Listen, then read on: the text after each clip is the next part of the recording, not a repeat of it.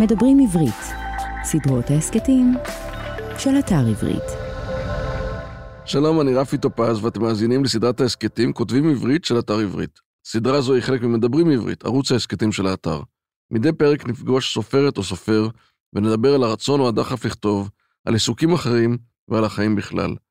והיום אני שמח לארח את הסופרת והמשוררת לאה עיני. היי לאה, נתחיל? היי, כן. למרות שכבר אני, כבר אני מתקנת, לא הייתי קוראת לעצמי היום משוררת, למרות שהוצאתי שני ספרי שירה, לא התפתחתי בזה, האחרון שיצא, יצא ב-91, אז uh, קטונתי. זהו, אז אני התלבטתי, ואמרתי שמכיוון שהוצאת שני ספרי שירה, אז אני אכלול את זה, אבל כן, אני, אני מקבל את ההערה. ו... קטונתי, אני לא... אוקיי. אני לא, אני לא חוזרת בי מהם, בכלל לא, אבל uh, אוקיי. אז כמה נקודות מקורות החיים של uh, לאה.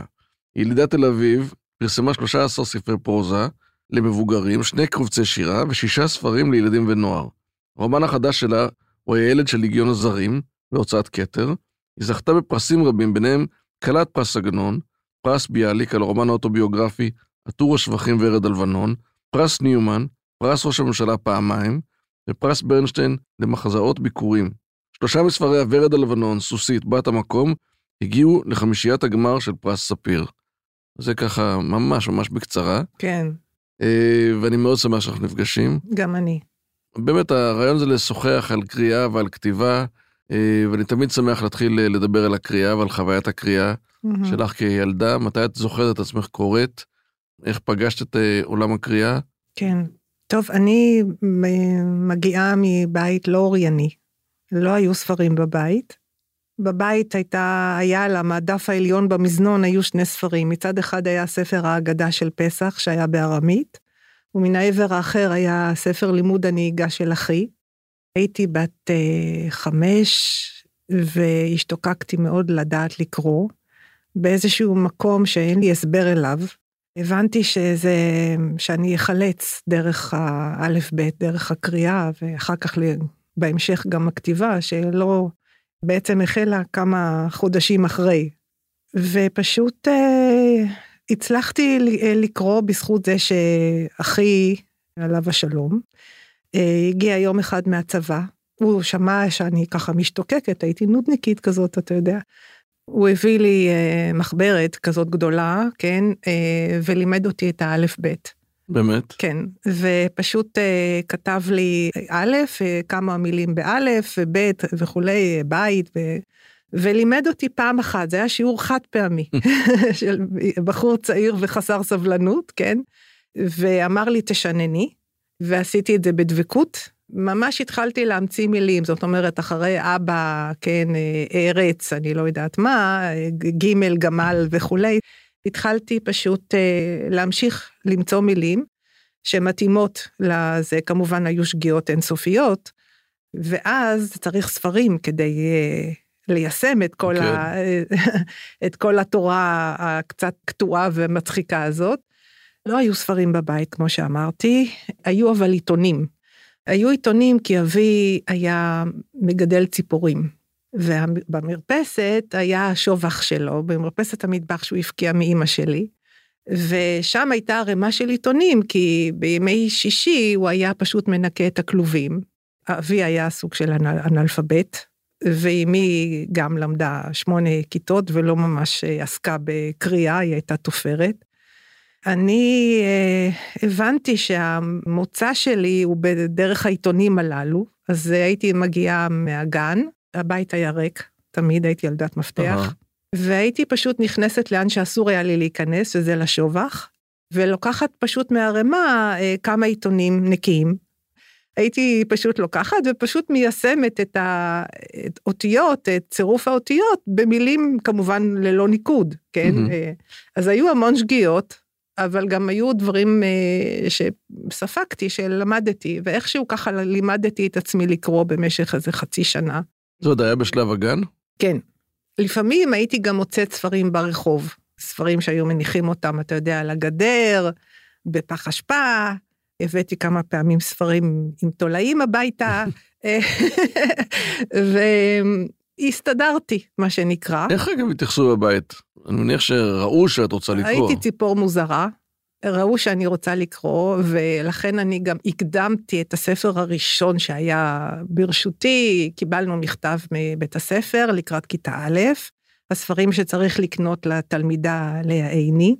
וזה היה, אתה יודע, ספר אה, מקראות ישראל, ספר חשבון, כזה, הכל ככה התחלתי.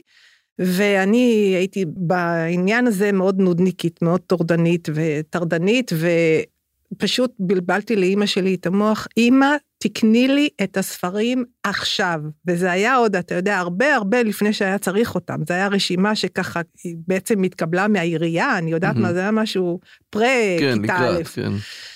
לא, יש לנו עוד זמן, אתה יודע, בלבול מוח עכשיו, כאילו, וזה, עכשיו תקני לי את הספרים. ואז היא קנתה, כי אבא שלי אמר, נו, תקני לה כבר שיהיה שקט.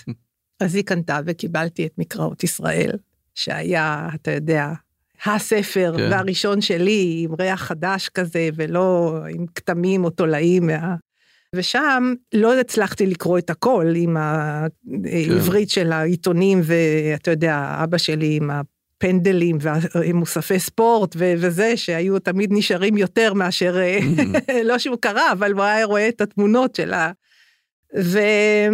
והתאהבתי שם בשיר אחד של מרים ילן שטקליס, שנקרא אמא הבאתי לך פרחים, אולי משום שהייתי ילדת מפתח ואימא שלי לא הייתה הרבה בבית. ויום אחד ישבתי, זה היה כבר ממש בחופש גדול של לפני כיתה א', ישבתי על הארץ, אין אף אחד בבית, אפשר לעשות מה שרוצים. הלעלתי במקראות ישראל, קראתי מה שהצלחתי לקרוא, ניסיתי לקרוא מה שעוד לא הצלחתי לקרוא, ואז הגעתי לשיר הזה של, אני לא יודעת תחת איזה כותרת הוא, הוא עמד, אולי משפחה, אתה יודע, זה היה לפי נושאים כן. כאלה. ואת השיר כבר ידעתי בעל פה. בדרך כלל כשהייתי כבר מגיעה לשיר, אז הייתי עושה את כל ההצגה עם הבובות, עם הפרחי פלסטיק מהגרטל, וכל, הייתי ממש ממחיזה את, ה, את השיר הזה.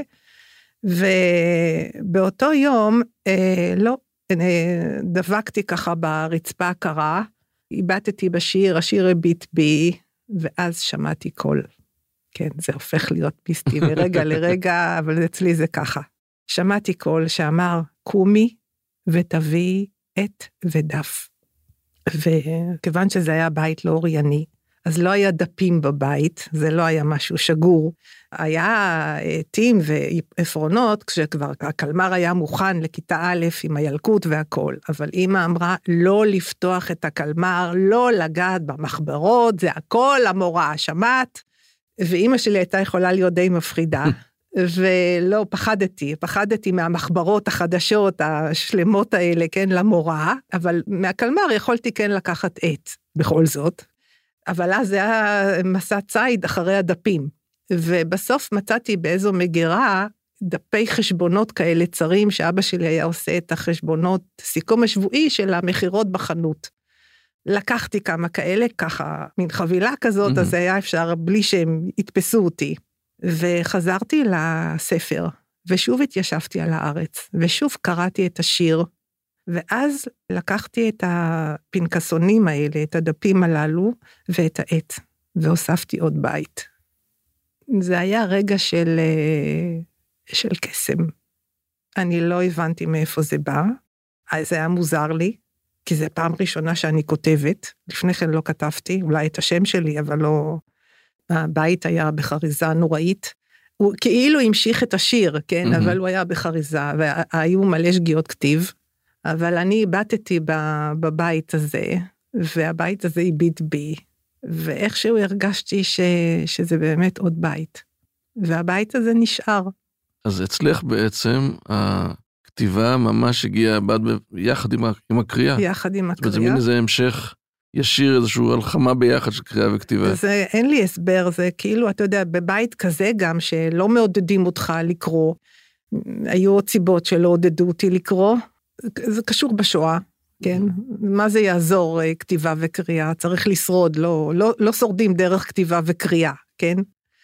בכלל לא היה איזה עידוד ללימודים, פשוט אה, בית ספר יסודי היה משהו שהוא אה, אי אפשר לחמוק ממנו, כן, זה היה כאילו בכל זאת יסוד, אבל אחר כך לא עודדו אה, במיוחד, זה היה הכל מלחמה. איפה את חושבת שזה מתחבר לכל השעות האלה לבד, גם בתור ילדה, עם הרבה מאוד אה, דמיונות נכון. ומחשבות. ו... הרבה דמיונות. וגם אמרת מתישהו שמ, שמעתי, אני חושב, העניין הזה של באמת, הרי בסוף כולנו כל הזמן מדמיינים וחושבים, מהמם, ואז יש לכאורה מחסום המילים שצריך להוציא את זה החוצה. מהמם, באיזשהו מקום כולנו כותבים בראש, הרי בעצם זה שאנחנו חושבים ומדמיינים, אנחנו מהמם. כותבים לעצמנו סיפורים כל הזמן, והרצון הזה להוציא את זה החוצה, ולהתגבר על, ה, על המחסום הזה.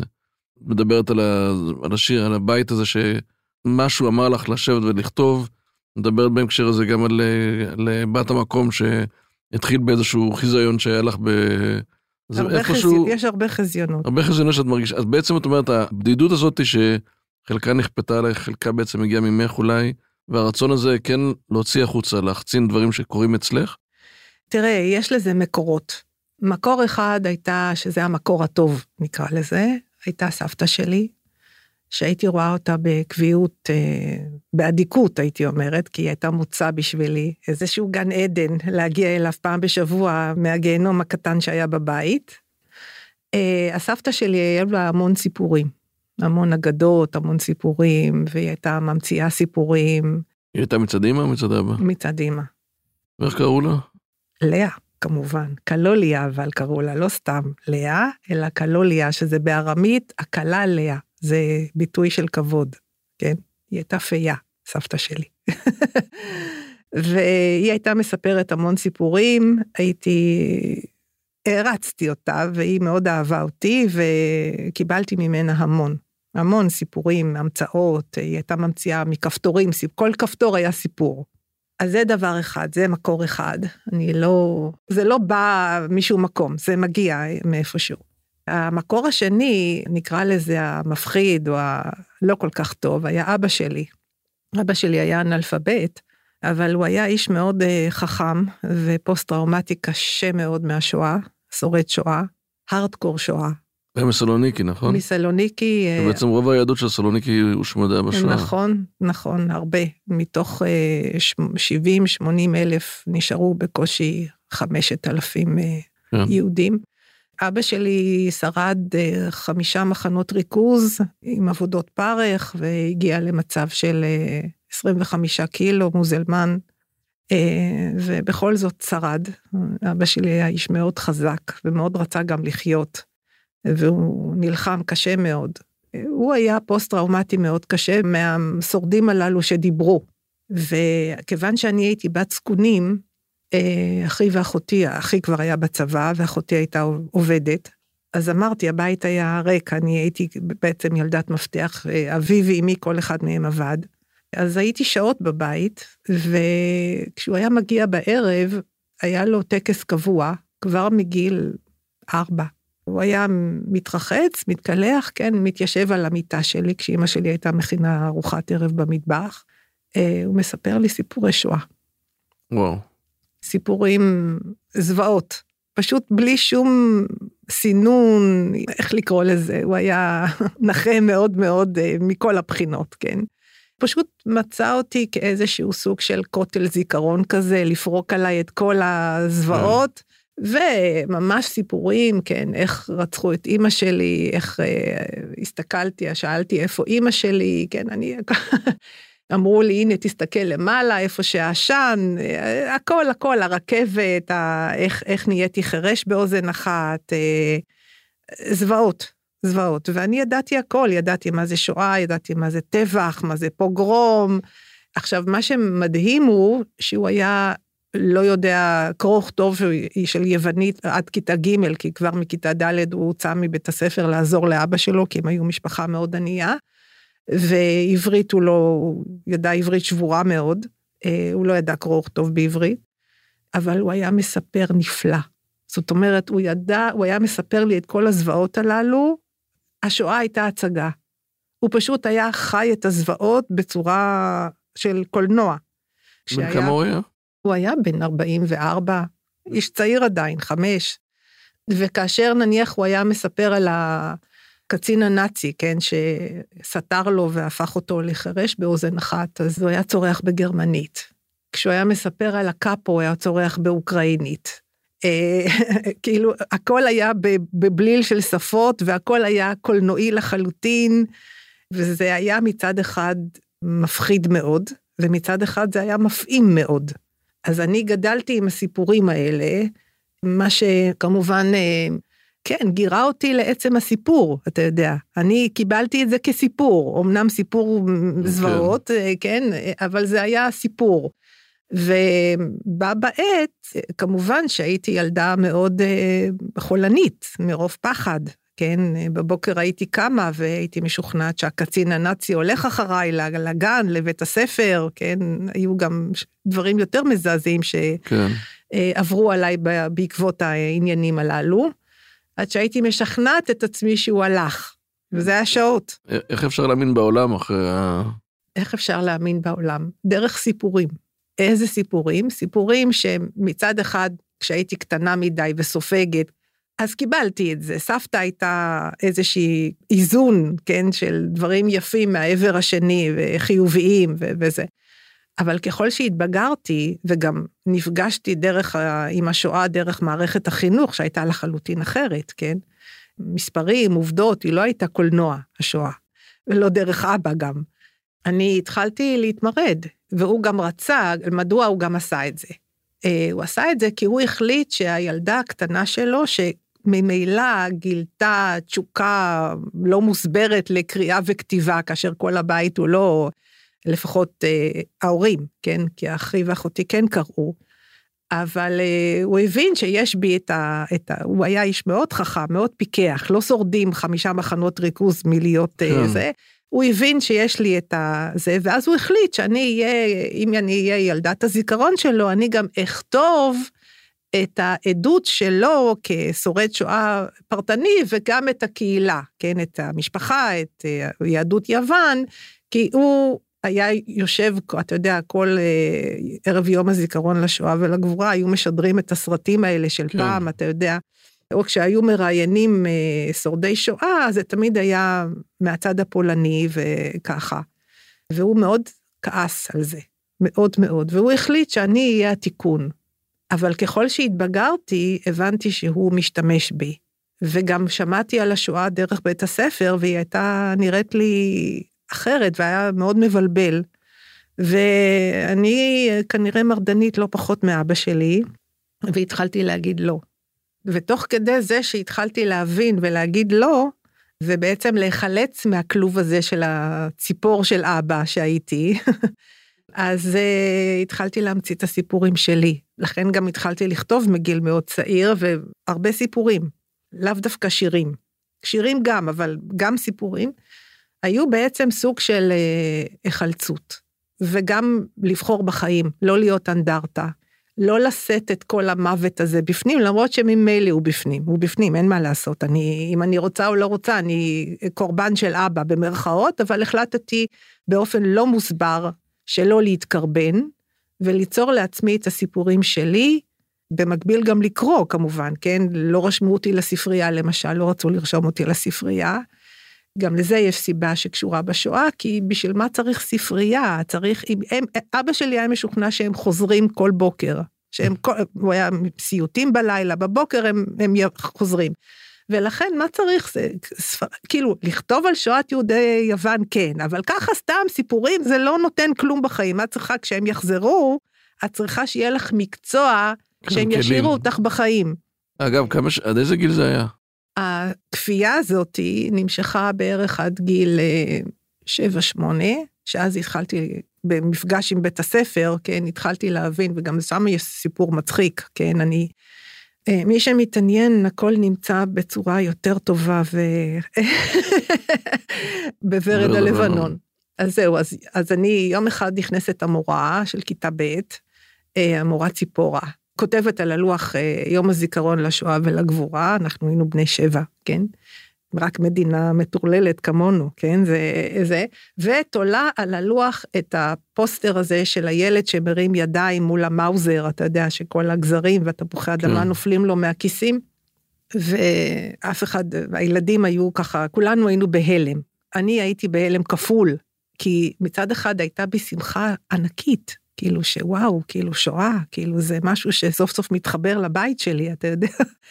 ואז היא ככה מתחילה לספר לנו, רושמת את ה, על, על הלוח אה, את הספרות, שישה מיליון, ומתחילה לספר, אבל המורה סיפורה סיפרה עובדות, סיפרה היסטוריה, סיפרה תאריכים, כן, וככה. אבל אני הלכתי ו, וממש כמו איזה מין, אתה יודע, פרח שהולך ומבשיל וכל המיץ סוכר שלו עולה למעלה, רק הדבורים צריכות להגיע.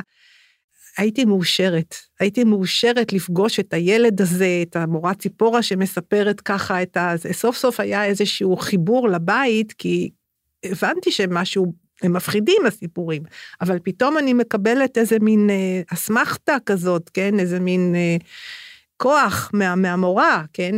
ואז המורה ציפורה, אחרי שהיא סיפרה את כל העול הזה לילדים שישבו עם לסתות שמוטות, התחיל גם קצת אלימות בכיתה. ילדים התחילו להרביץ אחד לשני, כי הם פחדו. אה, אפילו מהסיפורים האלה, היא סידרה אותם, כן? כן? היא הפכה אותם למשהו הרבה יותר כזה, אה, לא, לא רגשי, כן? הילדים פחדו. אה, אבל אז היא עשתה טעות, או שגיאה, היא אמרה, אתה יודע, בשפה של פעם, למי עוד מהכיתה שלנו יש מה לתרום לדברים שאמרתי או משהו כזה. מה, זאת הייתה עברית יותר מכובסת, אני לא זוכרת עכשיו. אה, ואני, וואו, אני הצבעתי ככה, אתה יודע, עם כל הכוח, כאילו, כן, המורה, המורה, המורה, אני, אני, אני. והיא ראתה שאני כל כך רוצה, אז היא אמרה, כן, בואי, בואי, לאה, בואי חמודה, בואי, בואי תספרי לנו. היא חשבה שאני לא יודעת מה אני אספר, אולי שסבתא, כי אני לא יודעת כן. כאילו מה היא חשבה. אה, ואז אני ככה עומדת קרוב קרוב למורה ציפורה, מריחה את הספרי בתסרוקת כרובית שלה, את הבושם שלה, אני מאוד אהבתי אותה, והיא ככה מסובבת לי את הכתפיים שאני אעמוד מול הכיתה. ואז אני מספרת להם איך לקחו את סבתא שלי למקלחת. ואני אומרת, ממש מספרת, כמו שאבא מספר לי, עובדות דה פקטו, כן? לא סתם איזה עובדות אה, ככה אה, היסטוריות, אלא ממש את הסיפור עצמו. והילדים היו מוקסמים, מוקסמים. מפוחדים עוד יותר, אבל מוקסמים, זה עניין אותם מאוד. והמורה הלכה והוריקה, כן, היא הפכה להיות ירוקה מרגע לרגע, והיא לא, לא חשבה שהיא לא שומעת טוב.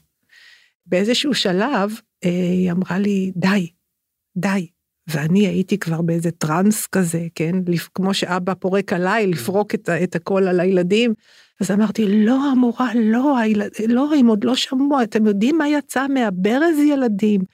לא, לא מים, גז, גז.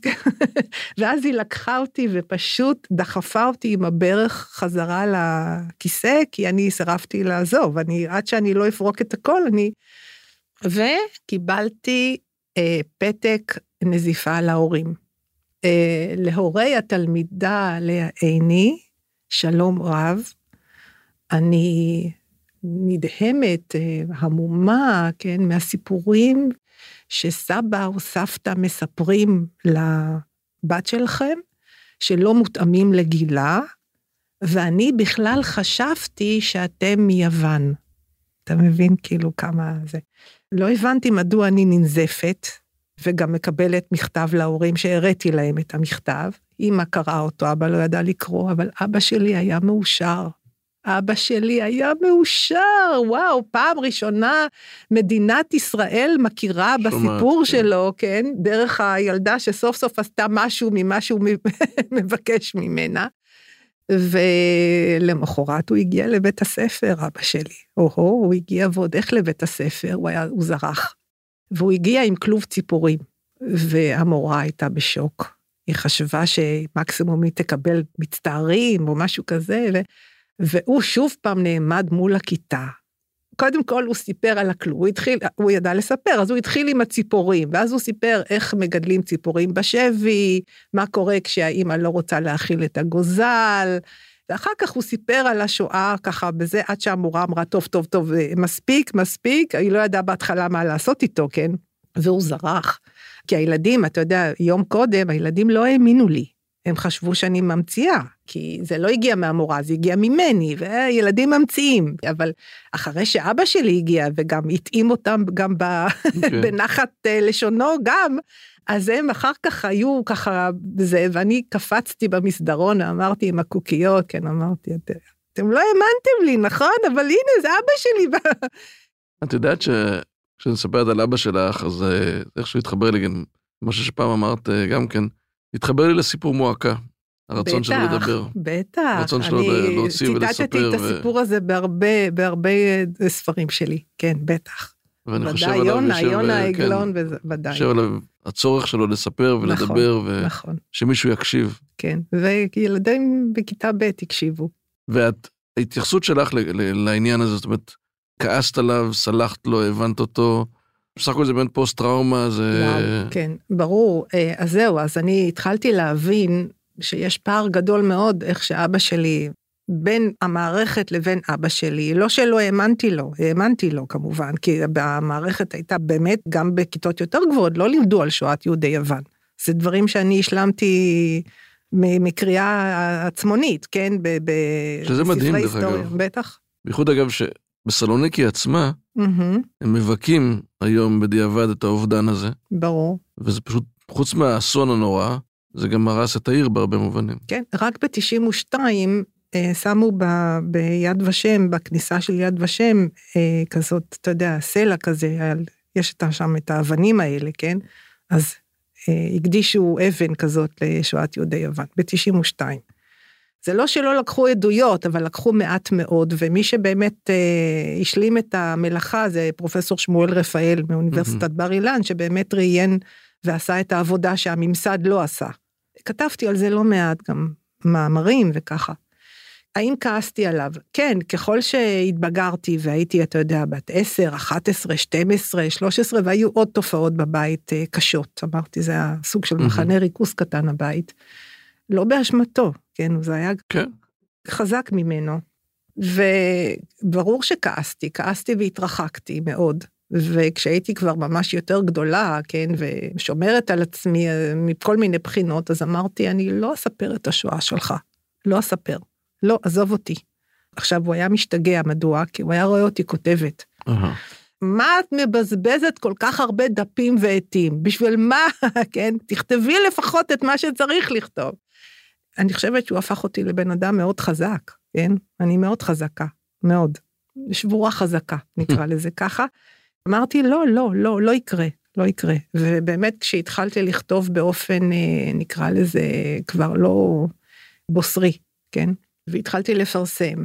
אז הוא היה משתגע, כן? שאני לא, לא מתעסקת בזה בכלל, ובאמת כל הספרות שלי עד ורד הלבנון, וזה היה כבר הספר השמיני שלי בפרוזה, זאת אומרת, היו הרבה שנים קודם כן. שאני, למעט סיפור פה, רבע סיפור שם, אני לא נגעתי בזה. וגם כשהיה את הסיפור אה, עד שיעבור כול המשמר כולו, שנלמד לבגרות הרבה שנים, וגם הוא סיפור שואה, אז זה לא נוגע ישירות לשואה של אבא שלי בכלל לא. ורד הלבנון זה 2009? כן. ואני התחלתי, הספר פרוזה הראשון שלי זה ב-91, אז כן. המון שנים, המון. סירבתי, ורציתי פשוט, הבנתי כדי שאני צריכה להציל את עצמי מאבא. ההצלה היא דרך הבית הזה של הכתיבה, אבל כדי באמת להציל את עצמי, את נפשי, את, אה, את רוחי, כן, שאני לא אשתגע, כי זה היה או להשתגע או להתאבד, באמת. אז הבנתי שאני צריכה במוטת כנפיים יותר רחבה, יותר רחוקה, וכמה שיותר לקחת מרחק, ובאמת הכתיבה שלי היא לא הייתה אוטוביוגרפית בכלל. הייתי לוקחת איזשהו פירור, אתה יודע, מה... ממשהו שהיה קשור בביוגרפיה שלי, ועפה איתו למקומות אחרים לחלוטין. יכול להיות שגם היית צריכה עוד להגיע לשם, לא? אומרת, בסך הכל... אה, תראה, בשירה, בספר שירה הראשון כן היו לי כמה שירי שואה, כי זה היה חזק ממני, ואני זוכרת שקיבלתי על הספר השירה הראשון, דיוקן, קיבלתי שני פרסים. ופרס אחד היה פרס מאוניברסיטת אה, חיפה, פרס רון אדלר, ואבי ואמי היו עוד בחיים, ואני זוכרת שנסענו, אה, בעלי ואני, אה, עם הוריי, ב... מה שהייתי קוראת פעם בפחית נס קפה, באוטוביאנקי, כאילו עלינו את כל הדרך מ... מרמת גן ל... לחיפה, וההורים שלי לא, לא, כל ההתפתחות שלי בכתיבה, הם לא, קצת לא העריכו, כן, לא העריכו וגם לא ידעו לקרוא. אבל אה, אני מקבלת פרס וזה, אז הם רצו לבוא. ואני זוכרת שכשבאולם שבו אה, נערך הטקס, אז אה, בסוף הנימוקים לפרס ביקשו ש... שכלת הפרס תבוא ותגיד כמה מילים ותקרא שירים. אז אה, הוריי ובעלי, כן, בן זוגי, ישבו בשורה הראשונה, וההורים שלי היו שם כמו איזה נטע זר, אתה יודע, הם ישבו עם המעילים, זה היה חורף, עם המטריות. ו... אה, ואני, למרות שהיו לי, לי יחסים מאוד קשים עם אבא שלי, תמיד ריחמתי עליו. כעסתי וריחמתי במקביל, זה תמיד הלך ביחד, ובאותו יום יכולתי לקרוא איזה שיר שרציתי, שני שירים ש... אבל בחרתי לקרוא שיר אחד של שואה. אבי מתקשר למספר הצלוב לו על זרוע, ושותק שותק כמחריש. זה ככה מתחיל השיר וקוראים לו ניצול. קראתי אותו ככה במיקרופון, וזה היה השיר הראשון שפתחתי איתו. ואני זוכרת את אבא שלי. אה, הוא ישב שם עם המעיל, הוא זרח. אני לא חושבת שהוא הבין את כל המילים, הוא לא הבין. אבל אבי מתקשר למספר הצלוב לו על זרוע, הוא הבין. אבי, כן. כן. והיו לו, כל העיניים היו מזוגגות, אתה יודע, והוא פשוט זרח. וכל המריבות שלנו והכעסים, ובאמת, וה... היחסים היו קשים מאוד. אה, באותו רגע, הוא פשוט היה באמת בספירה אחרת. והנה גם את בחרת להקריא את השיר הזה דווקא. כן, קראתי עוד שיר אחד, אבל, כן, אבל אה, עשיתי את זה. יכולת כן, לבחור עוד הרבה דברים אחרים. כן, כן, תמיד הייתה בי חמלה, איך אפשר שלא? הוא היה אומלל, הוא היה מסכן, כן, הוא לא עשה את זה בכוונה. זה היה חזק ממנו. אה, אבל אני שנים, חוץ מהשירה ועוד איזה סיפור שניים, שבעה ספרים, אני לא נגעתי בזה. לגבי השירה, אני רוצה לשאול אותך, ראשית, איך באמת התחלת בשירה דווקא? זאת אומרת, פרסמת כן. בהתחלה בשירה. כן. ובאמת זכית לשבחים. ופרסים, כן. ודווקא בפרוזה זה הלך אה, יותר קשה, ובכל זאת, אה, ורד הלבנון זה הספר הראשון שבאמת... אה, זה אה, תמיד כי... היה מסובך איתי מאוד, מאוד מסובך. כאילו ההתקבלות שלי בספרות, גם בשירה, במובן, במובן החיובי, גם שם הייתה כפייה. כאילו, תמיד רצו שאני אהיה משהו אחר. ואם קיבלו אותי כפי שקיבלו אותי בשירה, אז אוי ואבוי, למה עברת לפרוזה? ואם פרוזה, למה פרוזה כזאת? תמיד הייתה התנגדות, תמיד היו... אה, זה ממש, אה, זה, זה, זה מגוחך, שמצד אחד סופר, כל הכוח שלו זה בדמיון ובלפרוס כנפיים, ומצד שני תמיד מנסים להכניס אותו לתבנית. נכון, נכון. זאת אומרת, אה, נכון, הביקורת ה... שרוצה לחפש את המיוחד ואת השונה, כן. ומצד שני, באיזה קופסה אתה נמצא? כן, הקופסה הייתה כאילו, את... זה, כל ספר היה מאבק. כל ספר היה מאבק. ומצד אחד היו, הייתה אהדה מאוד גדולה, אבל מצד אחר הייתה, היו יריבים מאוד מאוד אה, חריפים נגדי. ומה שמדהים זה שבגלל שאני גם אחת כזאת ש... כמו שפרופסור יגאל שוורץ אמר, כן, שאני לא נותנת שיתפסו אותי, שזה כנראה גם כן משהו חלק מהשואה, כן, שכמו שאבא שלי הצליח לשרוד חמישה מחנות ריכוז, כי הוא ידע להיות אה, תחבולן ופיקח, אז, אה, אז גם אני כזאתי, כן, לא תתפסו אותי, כאילו, מה שעכשיו קראתם, זה לא הספר האחרון שככה ייכתב. תמיד בספר הבא יהיה עולם אחר, לשון אחרת, מבנה אחר, לא תשימו אותי בכלוב. לא תשימו אותי בכלוב. כל הזמן לברוח ולהציל את עצמי. זה גם כל הזמן הקונפליקטים האלה, ואת גם אבא שלך אגב, לגדל ציפורים שזה סמל החופש בתוך הכלוב, זאת אומרת זה כל הזמן... כל ה... הזמן, כל הזמן. הוא נשאר אסיר בנשמתו. כל הזמן ניסה להשתחרר, ניסה להשתחרר דרכי. אבל uh, כבר מהספר הראשון, נגיד השירה, וואו, איזה יופי של שירה, כן? עכשיו תכתבי רק שירים כאלה, כי אין לנו את זה בספרות העברית, אז צריך שיהיה מישהו שיהיה אחראי על הסקציה הזאת, כן, של אה, שואת יהודי סלוניקי, כן, יוון, אה, נולדה בשכונת שפירא, באה מבית כזה, בכל זאת כותבת ככה, אה, ככה תישארי. וכשהיה הספר פרוזה הראשון, אז... אה, שהוא היה ספר סיפורים, נכון? הוא ספר סיפורים ויש בו גם אה, נובלה. נובלה. כן. אז אלה שהיו עם השירה אה, לא סלחו לי. לא סלחו לי. יש אה, מכתבים שקיבלתי שהייתי, אמרו לי, כאילו, את, למה לא נשארת בשירה, כן? ואלה שבכל זאת אהבו את הספר פרוזה, אמרו, אוקיי, עכשיו זה מה שצריך, זה מכסה לנו את הלבנה בחומה שאין לנו אותה, כן? את הבחורה שהגיעה מ... כן, אה, שפירא בת ים, כן? והיא אה, אישה, והיא אה, בת כזאת וכזאת, והיא ספרדיה, וככה וככה, אז עכשיו את, זה למרות שהספרות שלי אף פעם לא הייתה פולקלוריסטית ולא... אבל כתבתי בספר הראשון פרוזה בגיבורי קיץ על על שכונת שפירא, אנשים משכונת שפירא, לא אישית, כן, אבל משכונת שפירא, ובנובלה על בת ים יפו, כן, אז או, או, זה מה. זה בדיוק זה אנחנו צריכים. בספר הפרוזה השני, בגאות החול, ב... היה הרומן הראשון שלי, כתבתי על מירי כץ, אוי ואבוי, כץ, כן, מירי כץ, אה, שהיא לומדת ספרות באוניברסיטת אה, תל אביב, והיא נשואה לישי כץ, כן, זוגיות נפלאה. והיא אין, היא לא בת של שום דבר מיוחד, כן? לא של עדה ולא של אה, שכונת עוני ולא של אה, מוצא ולא, היא ישראלית כזאת, כן? אה, היא אותנטית, אבל לא דרך העניינים הללו, ואוי ואבוי, עכשיו כתבתי רומן על אלמנת צה"ל צעירה, בת 24, שבעלה הלך למילואים, כן, ועלה על מוקש ונהרג.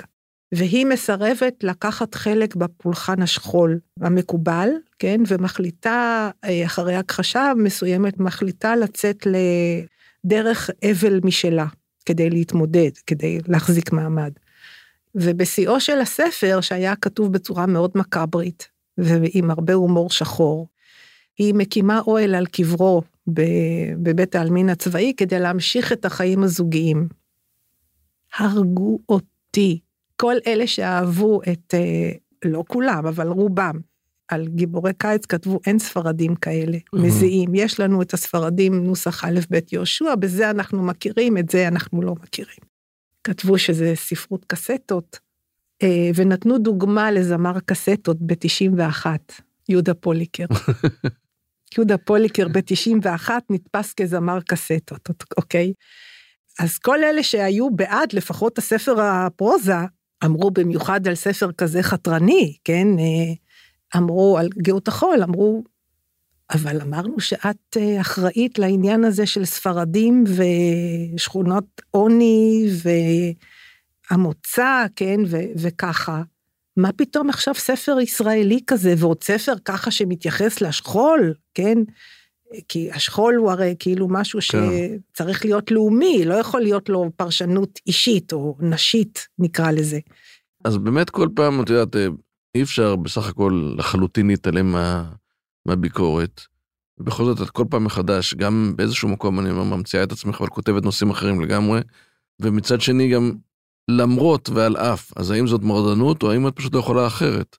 אה, אני חושבת שזה שניהם, ואני חושבת שזה גם לומר שניהם, זה משהו קצת קליפתי, משהו חיצוני. אני, אפשר להגיד, התאבלתי באופן פרטני, כן, באופן אישי, אחרי כל ספר שיצא לי. היה, היה אבל. אני לא מדברת על הספרים האחרונים, אני יותר מדברת על התקופה הראשונה שלי, על העשור הראשון שלי בכתיבה. כי כל ספר היה מאבק, בכל מיני צורות, ולא הבינו. לא קיבלו, לא הבינו. התחלתי כן קצת לקבל פרסים, זה לא שהייתה התעלמות. גיבורי קיץ דווקא, דווקא הספרים הראשונים, גם הייתה מכירה נחמדה נקרא לזה, כן? כן? אבל אני הלכתי והקצנתי גם. ונגיד בסדום אל, כן, זה היה ספר מאוד קיצוני, ו, וגם לא ידעו לאכול את זה שכל ספר של, אי אפשר היה לק, לקטלג אותי. ועוד הרבה דברים. בקיצור, עצבנתי את כולם. ולכן כל ספר היה סוג של כאילו, אני חשבתי שאני מביאה את הכי טוב שאני יכולה, ולא הבינו. אילו זה היה משהו שהוא, שלא היה בא מהבטן, שלא היה בא מצורך לשרוד את, ה, את החיים שלי, לשרוד את עצמי, כן, להתקיים, לנשום, הייתי מוותרת מזמן, כי היה מאוד קשה. היה מאוד קשה, היו דברים מאוד קשים ב, בכל הדרך הזאת. הייתי מוותרת, הייתי אומרת, יאללה, מי צריך את זה בכלל, כאילו. אז זה היה חזק ממני. זה היה חזק, הייתי, בעלי היה אומר לי, אחרי שהייתי מוציאה ספר, הספר היה חצי מתקבל, רבע מתקבל, לא מתקבל, לא חשוב. אה, הייתי מתאבלת, ואחר כך הייתי מתחילה לטפס על הקירות. כי אי אפשר בלי עולם חלופי, אי אפשר בלי משהו שאני יכולה לברוח אליו. ואז הוא אומר לי, לאה, הגיע הזמן לספר חדש. וכשהייתי מתחילה ספר חדש, אז הייתי נרגעת. ולא היה אכפת לי מה יגידו, ו... כי אם היה אכפת לי מה יגידו, גם הייתי מתחילה לחזור על עצמי. יש תחושה באמת שאצלך שהספר נכתב, זה איזשהו משהו שקורה לך שאת פשוט צריכה לכתוב את זה. זה כן, זה אובססיבי, זה משתלט עליי. תכף נדבר באמת על הילד של ליגיון הזרים, שזה הספר האחרון, mm-hmm. ולפני זה עוד, יש גם איזשהו משהו אצל יוצרת, שלך יש את הראייה שלה בדיעבד. Mm-hmm. זאת אומרת, מה שאנשים מגיעים ופתאום מסתכלים אחורה על כל היצירה שלך ומנתחים פתאום לאחור ומסבירים כל מיני הסברים, mm-hmm. אצלך זה בבטן, זאת אומרת, את יודעת, את עוד לא הוצאת את הכל, את עוד לא כתבת את הכל, אבל איפשהו, את רואה את הקצה למרות שאת תוך כדי התהליך. ואני חושב שזה אולי גם אחד הדברים שמניע אותך, זאת אומרת, את uh, נמצאת הרבה לפני המבקרים שלך באיזשהו מקום. תראה, זה לא שאני לא למדתי לפעמים מהביקורת, כן למדתי, אני לא יכולה להגיד שלא, אבל היו המון ביקורות שהן היו לא ענייניות בכלל. באמת, לא היו ענייניות, והיו מעליבות מאוד, משפילות אפילו. ובסופו של דבר זה היה או לכתוב או לא להיות. או להשתגע, אפילו, אפילו בזוגיות, שהייתה לי זוגיות מצוינת, אפשר להגיד, אין, אין דבר כזה מושלם, כן? אבל הייתה לי זוגיות שמה זה, אפשרה לי, אפשרה לי את כל הדבר הזה, כאילו, הוא פרנס אותי, אחרת עם הספרות הזאת הייתי יכולה בכלל לחיות, לא הייתי מסוגלת, לא הייתי מסוגלת לחיות, וניסיתי, כן? ולא הלך, זה פשוט לא הלך. אז היה לי הרבה מזל, זה היה בדיוק ההפך מאבא שלי, אתה יודע, mm-hmm. כן? הזוגיות שלי, בדיוק ההפך, מכל הבחינות. אבל אה, זה היה חזק ממני, אני אין לי הסבר לזה, ואני ידעתי, זה גם לא שהייתי עושה דווקא, כאילו זה לא שעכשיו הייתי אומרת, אה, בספר הבא, כאילו נגיד במי שהיא צריכה להיות כאן כתבתי א', ב', ג', עכשיו בספר הבא אני אכתוב להם אה, ו', ז', ח', mm-hmm. כן? ואני אעשה ככה ואני אעשה ככה. לא, זה היה, הרבה דברים הגיעו בחזיונות גם, וחזיונות זה היה משהו שמשתלט עליך, זה היה חזק, זה היה חזק. אני, אם אני אתחיל עכשיו לספר חלק מהחזיונות האלה, אנחנו לא נצא מכאן, כן? כן? אבל זה היה מיסטי.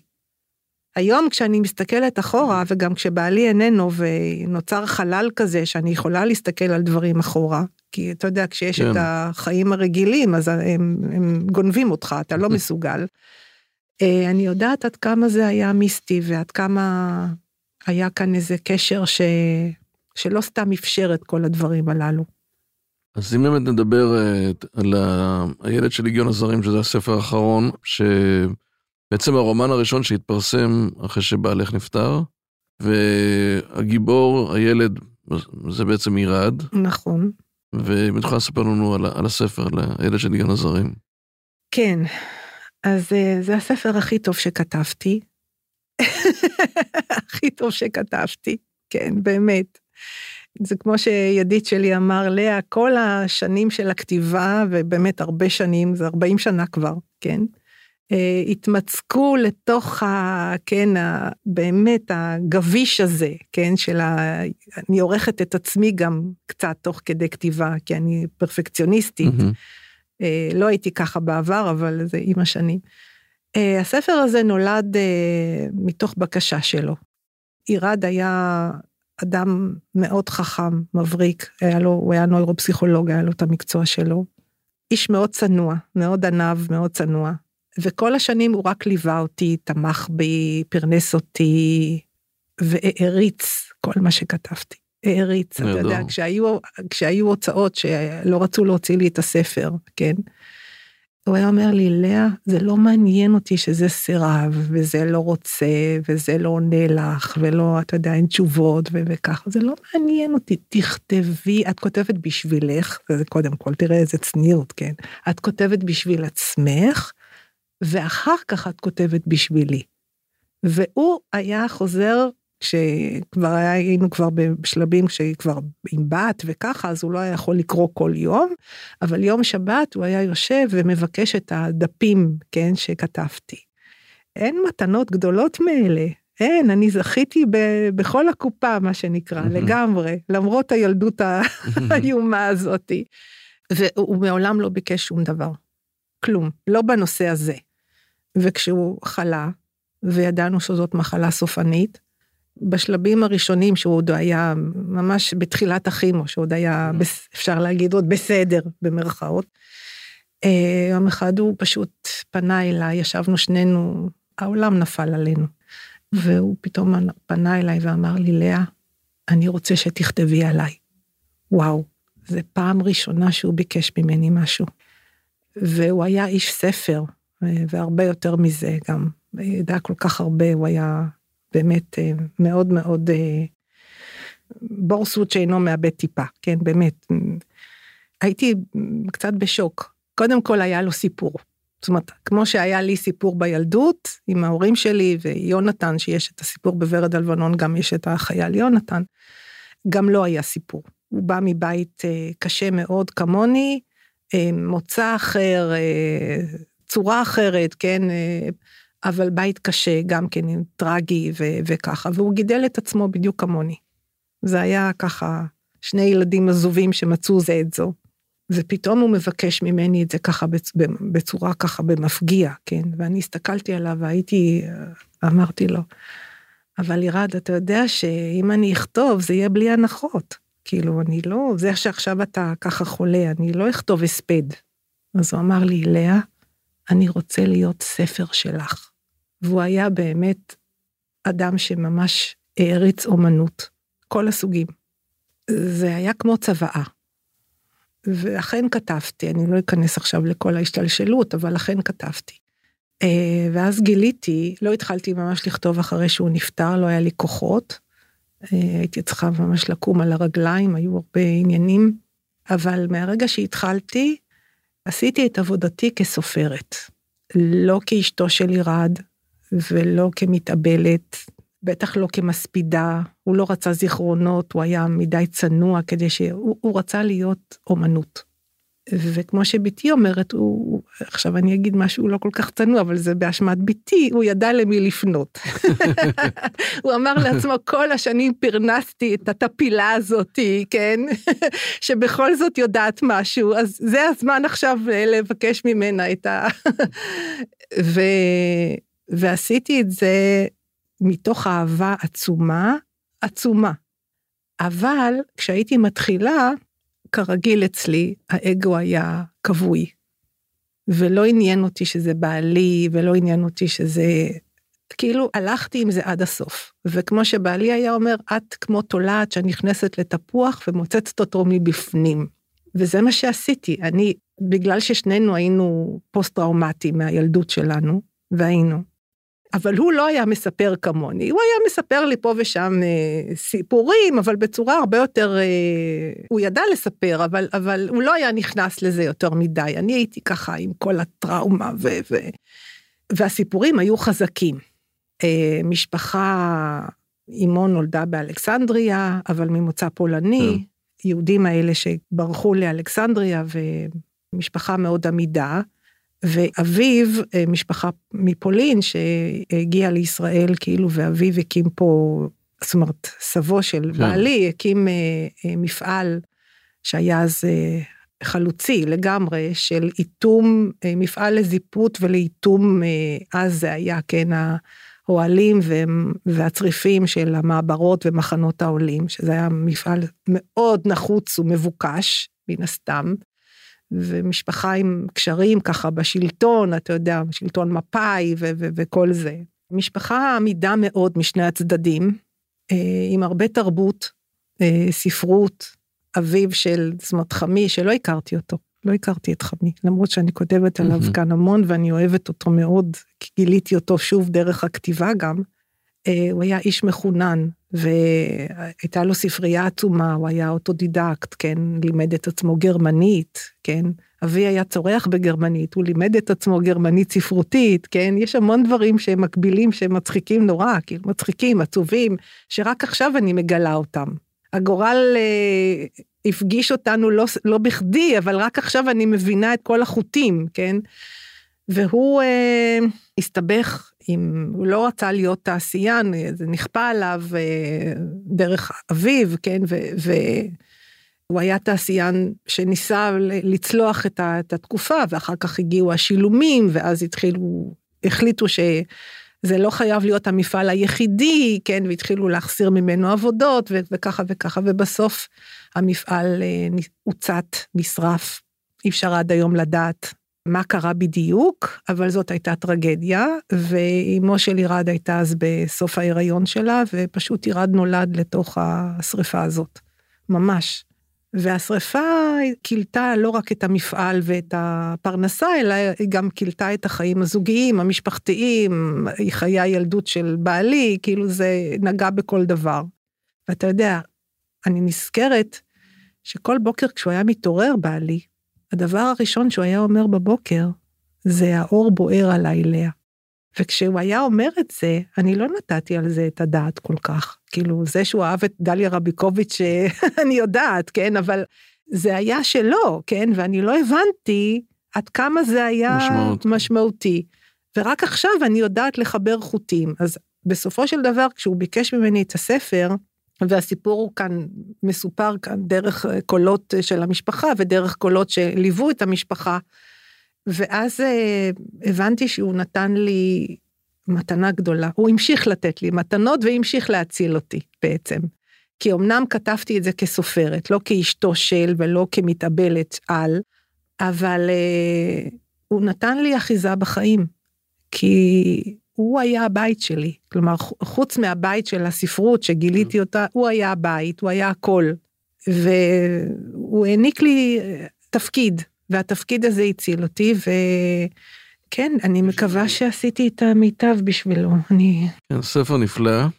ויש שם גם את, באמת את האבא שלו, שכנראה מכונן, שמלמד כן. אותו כל הזמן בדרך... קשוחה מאוד. דרך קשוחה. כמו שאבא שלי, כן, זה, זה אותם אבות, בדיוק, אותם אבות שכופים את של, עצמם כן. דרך הטרגדיה שלהם, והאימהות שבורחות. כן, ואני זוכר שיש שם איזה משפט אה, בלטינית שאני זוכר, שאומר שם, קודם האדם ואחר כך העם, כאילו. נכון, נכון, נכון, ובאמת בעלי היה מאוד, מהבחינה הזאת, הוא היה מאוד מאוד אה, בדעות האלה, כן? אה, אבל זה הציל אותי, הספר הזה, ואני עשיתי את המיטב שאני יכולה. באמת, אני, אני ממש הרגשתי שהשמיים נפתחים והם ככה נופלים עליי. אה, כן, אז אני מאוד, באמת מאוד ממליץ, ספר נהדר. באמת זאת התחושה, יש שם משהו ב, באווירה, בשפה, בסיפור. שעוד פעם, יש איזו תחושה שזה נכתב מין איזה פרץ, וזה מאוד מיוחד. לגמרי פרץ. אני הייתי מתחילה ב-10 בבוקר, פשוט זה היה אובססיה מטורפת באיזשהו שלב כמו זומבי, כנראה קמתי, הלכתי לשירותים, אכלתי, לא זכרתי שום דבר, מה אכלתי, מה לא אכלתי, כאילו, זה היה פשוט פרץ מטורף של כתיבה, והכל היה ממש מתוך כאילו מתוך עבודה ספרותית, זאת אומרת, בלי הנחות לאף אחד, לא לאבא שלו, לא לאימא שלו, אני לא מתאהבת באף אחד, אני לא לא מתאהבת באף אחד, כאילו אני מאוד שומרת שהאגו שלי לא יהיה בתמונה, הכל מבפנים. אבל לא ריחמתי, לא ריחמתי על אף אחד, אה, הלכתי עם האותנטיות עד הסוף ועם ה... עם הכנות והכנסתי, ניסיתי להפיח חיים בכל העובדות האלה שהוא נתן לי, כן, לאורך השנים. ואני זוכרת שברגע שהייתי מסיימת בהתחלה, כן, בעבודת הבראשית הזאת של הרומן, פתאום הסופרת הייתה מסתלקת. הכל כזה באמת מיסטי, הסופרת הייתה נעלמת והייתה לאה שיושבת. ופשוט הייתי מניחה את הראש על השולחן ופורצת בבכי נוראי, נוראי, כי פתאום הגעגועים היו חוזרים חזק מאוד, והוא לא יקרא את זה. זה הספר, כל הספרים הוא קרא. הוא היה זה שכשהייתה מגיעה קופסה מההוצאה עם ספר חדש, אתה יודע, קופסה אטומה כזאת, אתה מכיר? הייתי מתה, לה, אתה יודע, לפתוח את הקופסה, כן. ו- וככה. אסור היה לי. אני פותח את הקופסה. אני פותח את הקופסה, הוא היה, היה לו כבר את הסכין היפנית הזאת, אתה יודע, שפותח, כאילו, פותחת וככה, ואז הוא היה יושב עם כוס יין, מוציא את הספר הראשון, מריח אותו, כאילו הוא כתב את הספר, ומתחיל לקרוא, ולאה, אל תפריעי לי. ופתאום זה ככה, הס... הספר, אתה יודע, הספר שהוא כל כך ביקש, והוא לא קורא. מצד שני, אתה יודע, הוא ביקש שכל האחרים יקראו, וזה כן קרה. תראה, עכשיו מה שקרה לנו, אני לא יודעת עד כמה ממשיכים לקרוא, אני מקווה שכן. אני חושבת שהספר הזה, מישהי, אתה יודע, איזושהי קוראת, כתבה לי משהו מאוד יפה. באמת, מאוד ריגש אותי. נדמה לי גם יוהנה גונן ציינה את זה בהארץ, אבל הם כתבו, זה מפעל של אהבה. רואים שזה נכתב מתוך אהבה עצומה, עצומה, אבל המילה אהבה לא מופיעה שם. וזה באמת ככה, זה כאילו עשיתי את עבודתי עד הסוף, אבל בסופו של דבר אני חושבת שנתתי לעצמי את המתנה הזאת, שאני מקווה שהוא היה אוהב אותה, אני כמעט משוכנעת שהוא היה אוהב אותה, ואני גם יודעת איך הוא היה מגיב. הוא היה בוכה. הוא היה בוכה והוא תמיד היה מתרגש נורא, וזה פה עוד, עוד אפילו, ואתה יודע מה, אני גם לא משוכנעת שהוא לא לא קרא את הספר. עם כל העניינים המיסטיים שלי, לא בטוח שהוא לא, לא מכיר את הספר. אני שמחה שיכולתי להחזיר לו אחרי 33 שנים של באמת אימוץ, כאילו כל הספרים קודם זה בזכותו. זה בזכותו, זה חד וחלק. היו לי קצת רבי מכר וזה קטנים, גדול, אחד יותר גדול, ורד הלבנון, אבל זה, לא אפשר להתפרנס מזה. באמת מפעל של אהבה. כן. במעבר חד, נלך לשאלון קצר? בטח. בוקר או ערב? בוקר. טלנובלה או מתח? לא זה ולא זה. למרות שיש קצת מתח בספר, נכון? יש כן. משהו בלשי אחר כך עם הביטוח כן, והכל. כן. ג'אנק פוד או גורמה? נו, גורמה, לא שיש לי כסף, אבל גורמה. פריז או רומא? פריז, למרות שגם רומא, רומא אבל פריז, פריז זה, זה עיר האהבה שלנו לגמרי. מוסיקה או שקט? וואו, גם וגם. עט או מקלדת? טוב, אז uh, הרבה שנים עוד כתבתי בעט, uh, אבל ברור שעכשיו מקלדת, כן. קר או חם? חם, אני משערת, כן. בדרך כלל זה חם. מטרה או דרך? דרך, כמובן. והאם תעדיפי תמיד להקדים בשעה או לעולם לאחר ב-20 דקות? Uh, אני תמיד אעדיף להקדים, אבל כיוון שאין לי רישיון נהיגה, כי בעלי אמר, בואי, את זה, לא, לא, לא כדאי שאת זה תממשי, כלומר, או תקצרי חייו של מישהו, אז, uh, אז אני הרבה פעמים נאלצת לאחר לפעמים. לאה, תודה רבה. תודה רבה לך, רב. היה מרתק, ממש שמחתי לארח אותך. תודה, תודה. האזנתם לכותבים עברית, סדרת ראיונות עם סופרות וסופרים במסגרת ערוץ ההסכתים של אתר עברית. באתר עברית תוכלו למצוא אלפי ספרים בכל הפורמטים, דיגיטליים, קוליים ומודפסים, וגם כמובן את הספרים של לאה עיני. להתראות בפרק הבא. האזנתם לדברים עברית, סדרות ההסכתים מבית אתר עברית, חנות הספרים הדיגיטליים, מודפסים והקוליים הגדולה בישראל. ספר זה וספרים נוספים מחכים לכם באתר עברית.